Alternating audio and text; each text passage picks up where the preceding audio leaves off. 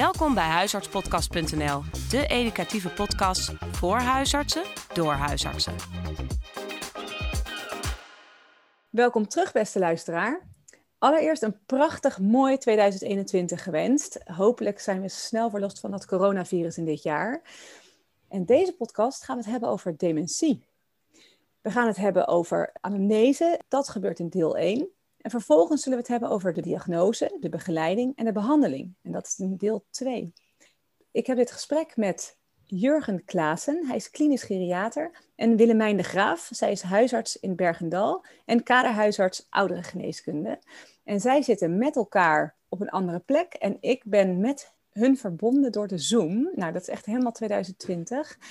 Willemijn en Jurgen, hallo daar. Hoi. Hallo. jullie zitten daar samen en uh, nou, jullie kunnen vast even vertellen waarom we deze podcast willen opnemen.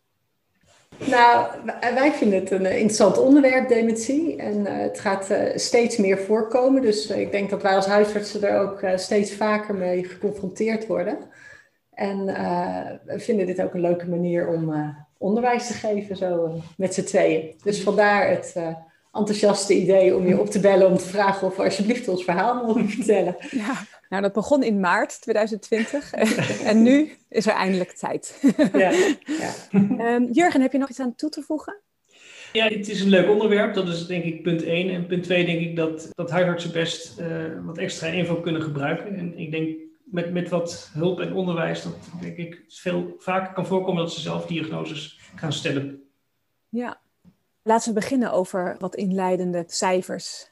Wat, wat we weten is, dat weet denk ik iedereen wel, het komt heel veel voor en het gaat nog steeds vaker voorkomen. Dat is eigenlijk vooral omdat dementie een uh, ouderdomsziekte is. Zo zijn er nu een stuk of 200.000 in Nederland, maar dat gaat mogelijk verdubbelen over een aantal jaar. En dat het een verouderingsziekte is, hè, dat, je ziet dat ongeveer 80% van alle mensen met dementie is boven de 80. En we komen straks aan veel meer mensen die 80 jaar en ouder zijn. En daarvan is ongeveer 10, 15 procent dement. Dus dat zijn echt enorme aantallen. Dat is ook wel echt iets waar we iets mee, uh, mee moeten. En hoe komt zoiets nou je praktijk binnen? Hoe komen we erachter? Hoe zien we dat? Nou, als je erop let, zijn er best veel signalen van dementie, van uh, de vroege signalen van dementie die je herkent in een huisartspraktijk. Bijvoorbeeld als uh, patiënten de medicijnen te laat bestellen of als ik als huisarts zeg van goh, maak even een afspraak bij de assistent en dan, dan komen ze niet of dan gaan ze eerder weg of dan maken ze die afspraak niet. Of ze weten eigenlijk niet meer zo goed wat ik dan net gezegd heb. En ik vind als huisarts hoor je ook bijvoorbeeld vaak via de thuiszorg of via buren of via familie. Hoor je dan van nou, ik maak me wel zorgen over dit en dat. Tegenwoordig ook via het sociaal wijkteam. Hè, dat, uh, die hebben een telefoonnummer bij ons waar mensen kunnen bellen als ze zich zorgen maken. Dus als je je alerter op bent, dan, uh, dan vind ik echt wel dat je het uh, wel op kan vangen. Dan is er dus echt een signalerende functie ook bij de thuiszorg en de, ja. de assistentes ja. ook ja. in de praktijk. Ja. We hebben ook de assistentes ook geschoold. Hè, van hoe herken je het nou en oh, waar, wanneer moet je eraan denken. En, dus die komen er ook echt wel vaak mee. En hielp dat hun? Ja, ja, ja. ja.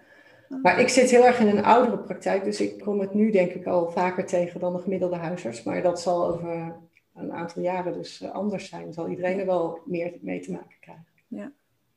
Bij heel veel andere zieken komen de patiënten zelf natuurlijk met een klacht, hè? ook naar de huisarts. Uh, en hier zie je dat zelden dat de patiënt zelf komt met van ik denk dat ik dementie heb. En dit is vaak toch de, de partner of de kinderen.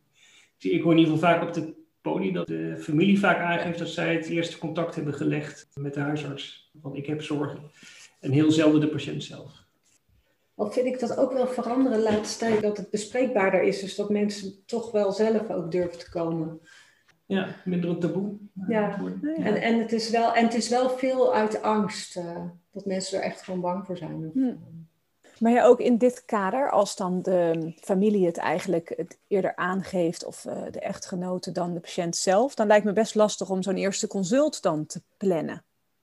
Nou, wat we altijd zeggen is, kom dan samen. Hè? Dus kom samen naar het spreekuur. En wat ook wel gebeurt, is dat we dan via via dingen gehoord hebben. En als je dan die patiënt voor iets anders ziet en je, je merkt bijvoorbeeld dat er geheugenproblemen zijn, dat je het dan zelf uh, benoemt. En dat je dan zegt van, goh, vind je het een idee om, eh, om er eens verder naar te kijken of dan daar een keertje voor terug te komen? hoe pak je dat vervolgens aan? Ja, ik vraag dus of de partner ook mee wil komen. En het liefst wil je eigenlijk de partner apart spreken. Maar dat vind ik in de huidige praktijk, dat lukt dat altijd minder goed dan eh, op de podium. Want jullie, jullie doen dat ja, altijd. Wij, uh, wij richten het in. We zeggen het ook van tevoren, het staat al in de uitnodigingsbrief. Um, aan het begin van het consult leggen we dat uit en vragen we ook of mensen het goed vinden. De patiënt en de partner, dat vinden ze meestal wel. En dan zetten ze ook echt apart. Ja. We leggen ook wel uit waarom we het doen. Dat is denk ik ook wel slim, hè? dat je uitlegt dat het vervelend is voor mensen om over iemand te spreken waar ze naast zitten. En dat accepteren ze dan meestal wel.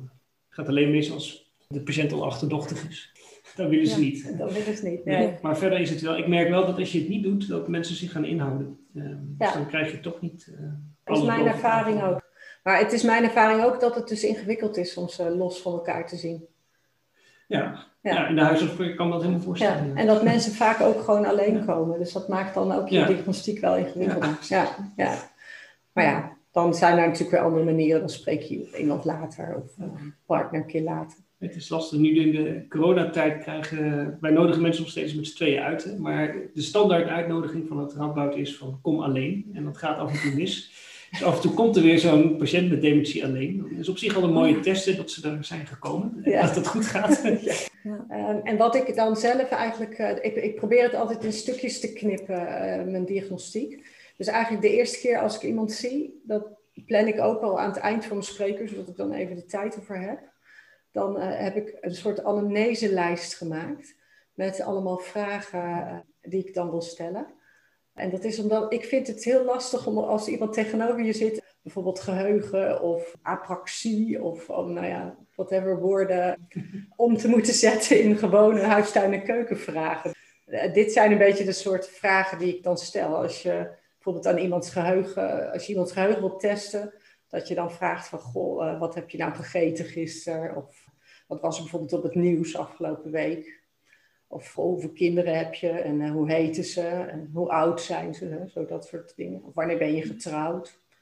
Eh, ik vraag of mensen eh, dingen kwijtraken. Of dat ze een vast plekje hebben bijvoorbeeld voor dingen omdat ze het anders kwijtraken. En of je wel eens afspraken vergeet. En of je wel eens verdwaalt. Bijvoorbeeld in je eigen dorp of in een gebied wat eigenlijk bekend zou moeten zijn. En je merkt wel, als je dit soort vragen stelt, dan krijg je wel een beetje een, een gevoel van iemands geheugen. Je ziet ook wel eens, eh, ik weet niet of jij dat ook vindt, dat, je, dat mensen soms gewoon wat langer erover na moeten denken. Dus dat ze dan wel ergens op komen, maar dat je echt denkt van nou, het is echt wel heel, heel lang Ja. voordat, het- Ja, voordat je erop is- komt. Dat is verdacht. Ja, Het is inderdaad handig om een aantal dingen voor te bereiden of te, te oefenen. Zodat je weet van ja, wat, wat moet je vragen om welk domein uit te vragen, zeg maar. Eh, Daar wat, wat standaard dingen voor te hebben, dat je niet iedere keer opnieuw het wiel hoeft uit te vinden. Ja. Eh, het is handig Nou, om het een beetje toe te passen op de, op de patiënt en de interesses. Hè. Als je iemand hebt die eh, voetbalfan is, dan is het handig om te checken of ze weten wat de laatste wedstrijduitslagen waren. Die moet je dan wel zelf opzoeken, dus weet je niet of het klopt. ja. En eh, als iemand bankdirecteur is, dan kun je wat vragen of hij wat weet van het laatste financiële nieuws. Maar dan, dat zijn wat trucs om te weten van, nou, begrijpt iemand je vraag en kunnen ze die dingen ook echt benoemen. Als ze Ja. zeggen van, ja, ik lees een boek, dan denk je, oké, waar gaat het boek over? Nee, dus dat, dat is denk ik eh, qua geheugen wat je uitvraagt. En dan eh, mijn volgende hoofdstukje is eigenlijk altijd eh, complexe zaken. Dus lukt het bijvoorbeeld om ehm, de tv-afstandsbediening, hè? dat is altijd eentje waar Ja, heel veel ja. mensen op de, door de mand vallen. Of wie doet bijvoorbeeld thuis de administratie? Of ehm, lukt het om een kopje koffie te zetten? Dat, eh, dat het, soort het dingen. nieuwe koffieapparaat. Ja. Ja, ja, ja, ja. Dan hebben mensen zo'n Senseo waar je dan echt alleen maar op één knopje hoeft te Ja, drukken. ja. Dat, eh, Blijft misgaan. Blijft Ja. misgaan. ja. ja. Of ehm, eh, koken, hè? van kookt iemand nog wel eens voor een groep. En ook inderdaad nieuwe apparatuur, zo een nieuwe vraag van, goh, wat is nou het nieuwste apparaat wat je gekocht hebt afgelopen tijd?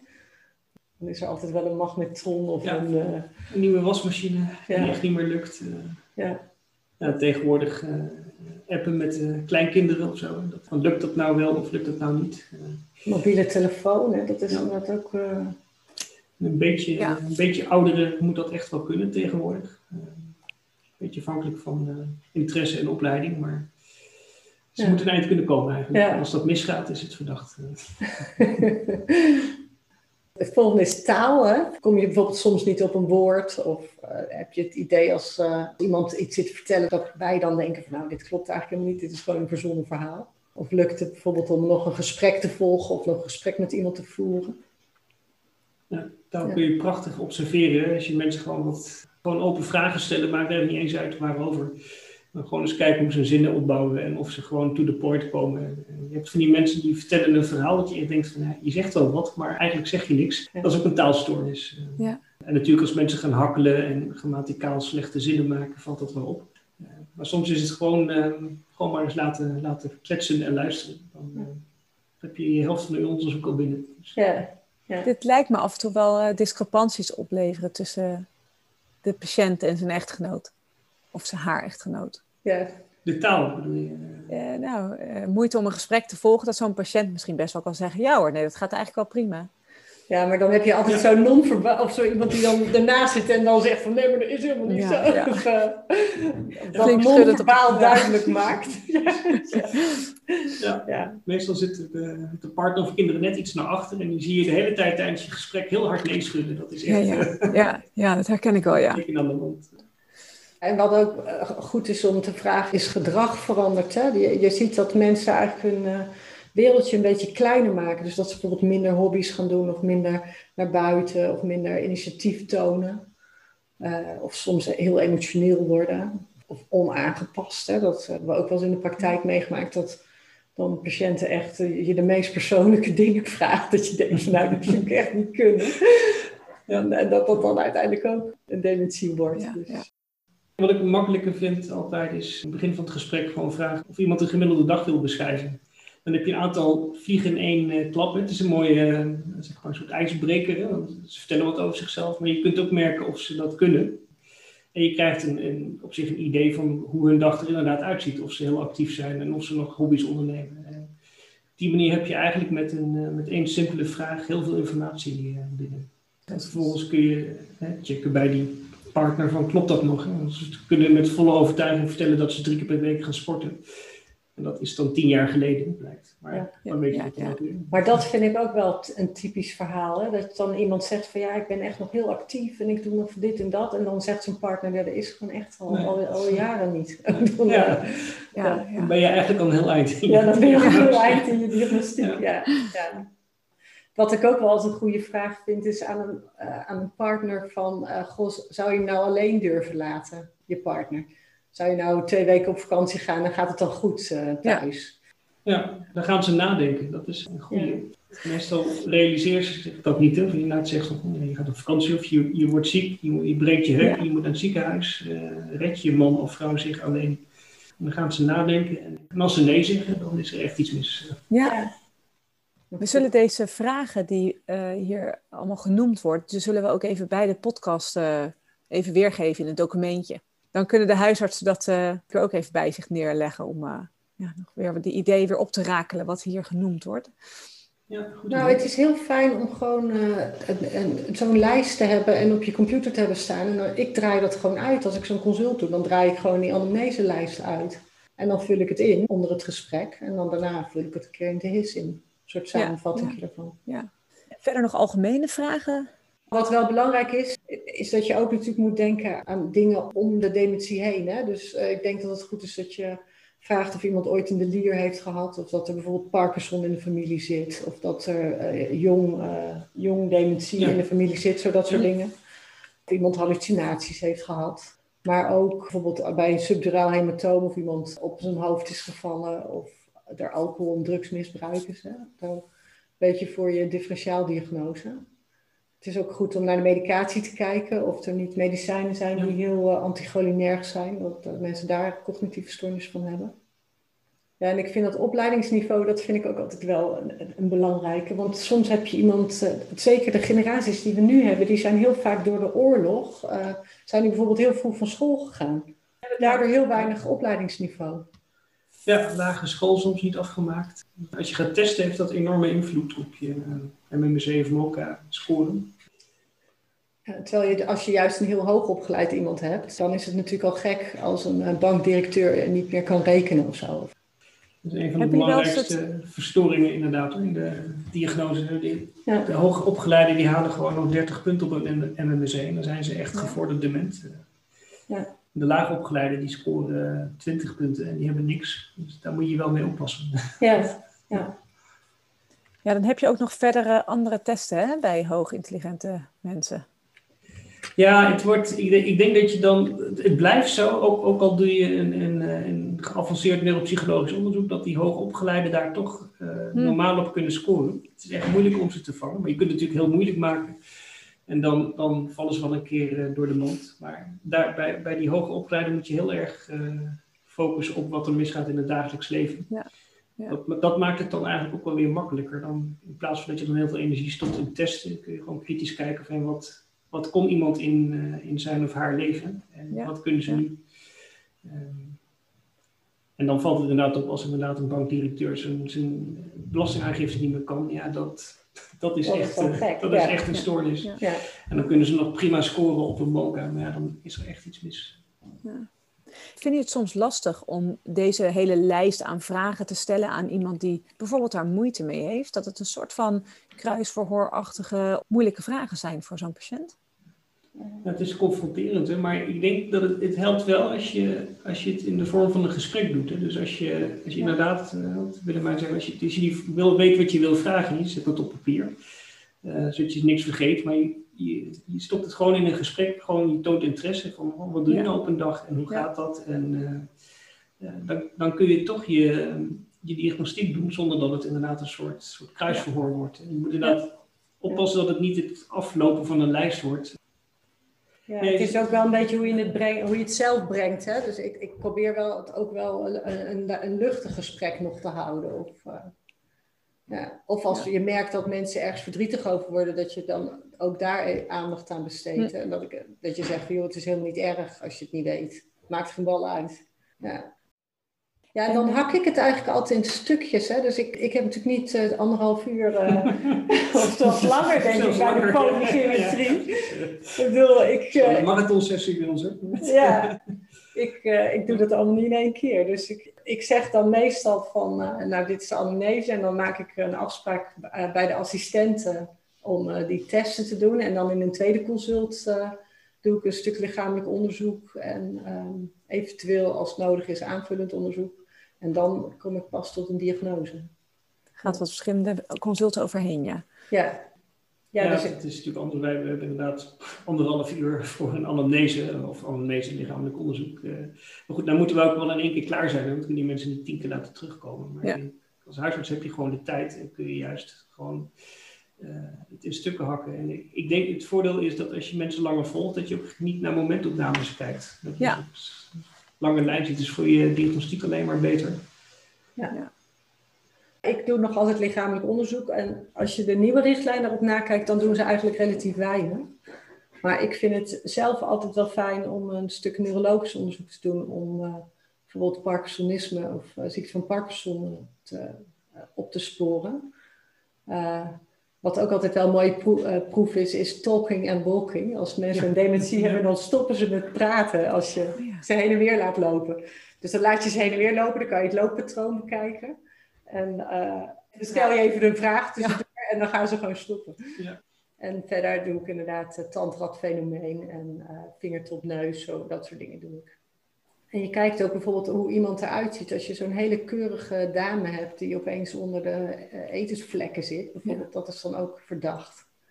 Of als iemand zo'n head-turning sign heeft, uh, dat hij alsmaar naar zijn partner kijkt uh, of ze het wel goed doen.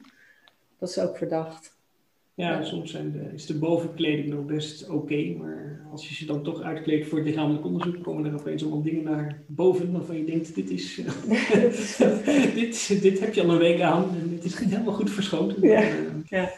ja. dus dat, dat scheelt ook. Wij, wij doen ook een compleet lichamelijk onderzoek. Het is met name neurologisch onderzoek belangrijk is. En heel af en toe vind je tekenen van een onderliggende andere lichamelijke ziekte, maligniteit. Dat is echt heel zeldzaam, maar het is wel netjes om het te doen. Maar het heeft dus ook het voordeel is dat je inderdaad ziet hoe ze verzorgd zijn. Want dat is uh, zeker bij soms mensen met gevorderde dementie, is dat wel een heel duidelijk ja, diagnostisch gegeven. Ja. ja, en aanvullend onderzoek, daar is de richtlijn ook best uh, terughoudend bij. Ja, ik vind het zelf altijd wel fijn om toch een schildklier bijvoorbeeld te doen. Het, voelt, uh, het voelt een beetje eng als je dingen over het hoofd ziet. Maar het is eigenlijk met name om uit te sluiten of er niet andere onderliggende aandoeningen zijn. Bijvoorbeeld een vitaminegebrek als mensen heel slecht gegeten hebben of uh, toch een delier. Uh, dus dat is, dat is eigenlijk wat je doet in het, in het aanvullend onderzoek en in het lichamelijk onderzoek. Ja, en dan heb je inderdaad het onderzoek wat dan bij ons de assistentes doen. En dat is een MMSE of een MOCA, een kloktekentest. En wij doen eigenlijk ook altijd de GDS. Dat is een test voor ouderen op depressie. Soort vragenlijstje van tien vragen. Ja, de MMSE of de MOCA, de, de, de nieuwe NHG-standaard, die zegt van de, de MOCA heeft zich niet bewezen dat dat een betere test is in de eerste lijn. Maar onze neuropsychologen die, uh, die sabelen de MMSE uh, neer. Ik denk ook wel terecht. Het is een, qua test is het echt een hele slechte test, omdat die zeker bij hoger opgeleiden niet gevoelig genoeg is. Hm. Aan de andere kant is die bij lager opgeleiden weer te gevoelig. um, en hij is ook heel erg gericht op, um, op Alzheimer-type dementie. Dus mensen met vasculaire dementie vang je er weer minder goed mee. Ik snap op zich wel, het is een makkelijke test. Als je er eenmaal aan gewend bent, is het logisch om te doen. Maar ik denk de Mocha is een stuk beter en daar is ook gewoon uh, instructiemateriaal online voor te, te vinden. Uh, dus met een beetje scholing is dat uh, eigenlijk ook prima te doen. Ja. ja, wij zijn inderdaad eh, overgegaan op de Mocha, denk ik, nu sinds een half jaar. En de assistenten vinden hem wel moeilijker om te doen. Dus ja. dat is wel lastig. Ja. Maar er een beetje leercurve in bij de assistenten? Ja, ja, er zit wel een leercurve in. Ja. En wat ik wel ook een van de mooie dingen van de Mocha vind, is je hebt verschillende versies. Dus ja. uh, denk van nou, is het nou wel, is het nou niet, dan kan je over een half jaar of zoiets kan je het dan weer overdoen. Ja. En dat is bij de MMC, dan gaan, als je dat te vaak overdoet, dan hebben mensen een leereffect Precies. Ja, in de MMC. Ja. Of die gaan ze ook oefenen. Dus, uh... ja. ja. gaan ze zo van tevoren welke dag en welke ja, sleuteltafel ja. van tevoren. Ja. De klok die oefenen ze ook. Ja, oh is dat zo? Ja. Ja, ja. is vroeger bij de MMC altijd. De halfjaarlijkse controle. Dan gingen ze thuis oefenen. Ja. ja. Maar het gemene van die parallel mocha is dat hij dan... Zet je hem niet op tien over elf, maar de volgende keer is het uh, ik voel tien voor twee of zo. Dus uh, dan hebben ze heel hard geoefend. ja, ja. Helpt het, helpt het ja. Ja. ja. Nou, die klok vind ik altijd wel heel verbazend. Want er zijn echt zoveel mensen die dan geen gewone klok meer tekenen. Dat je echt denkt, hoe kan dit nou? Dat ze echt zitten te tobben, hè? Op een gegeven moment als ze bij nummertje 12 uitkomen. Ja, die onderaan staat. En, ja. Ongelooflijk. Ja. Ja. Ja. En de Rudas? Of de Ruda's? Ja, de Rudas, ik ben er wel blij mee. Omdat het een test is die je als dokter kunt doen. Je heeft niet een neuropsycholoog voor nodig. En hij is inderdaad prima voor mensen die uh, laaggeletterd zijn of de taal niet spreken. Dus voor uh, mensen met een migratieachtergrond, laag opgeleide uh, daar kun je eigenlijk geen diagnostiek doen met een MOCA of met een MMSE. Dat is gewoon niet betrouwbaar. En met die RUDAS kun je toch bij bijna iedereen er eigenlijk wel uitkomen. Het handige is ook dat je daarbij hulp van familie kunt inschakelen. Om dingen te vertalen bijvoorbeeld. Dus het is een prima test om cognitie te objectiveren bij deze groepen. Wat ik uh, verder nog denk is dat uh, vanuit de huisartspraktijk, hè, dus uh, soms doe je dit, al dit onderzoek en dan denk je nog steeds van ja, is het nou wel of is het nou niet? Of interfereert het nou met het dagelijks leven of valt het nou wel mee?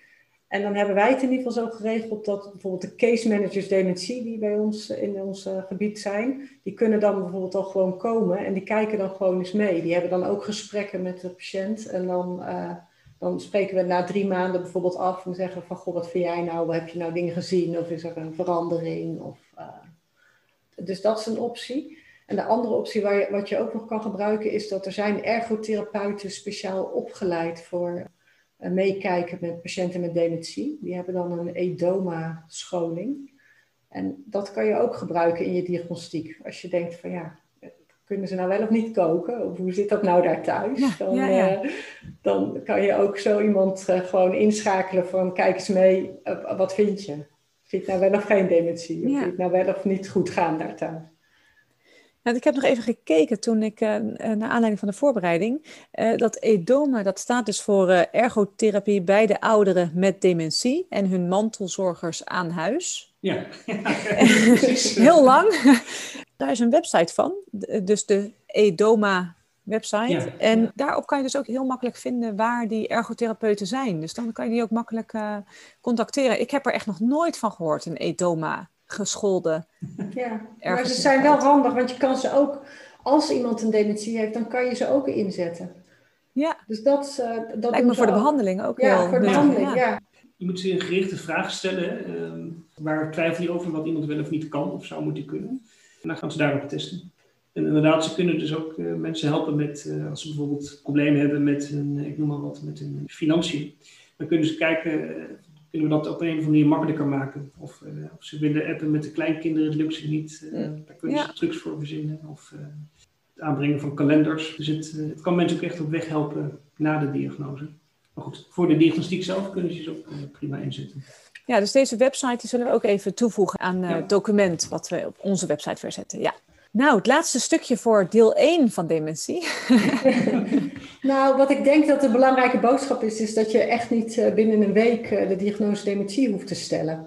En dat het ook voor een patiënt en bijvoorbeeld voor de mensen om iemand heen uh, ook een soort proces is. Dat mensen uh, zelf ook aan het denken worden gezet en dat ze zo langzaam een beetje wennen aan een idee bijvoorbeeld. Ja. ja. En het andere punt voor dit deel 1, denk ik dat het belangrijk is dat je, als je iemand hebt met cognitieve stoornissen, dan heeft het, het de meeste haast om te kijken, is dit nou een delier? Want dat is iets wat je snel moet behandelen. En als het geen delier is, dan is eigenlijk je volgende stap dat je kijkt, uh, is het een depressie?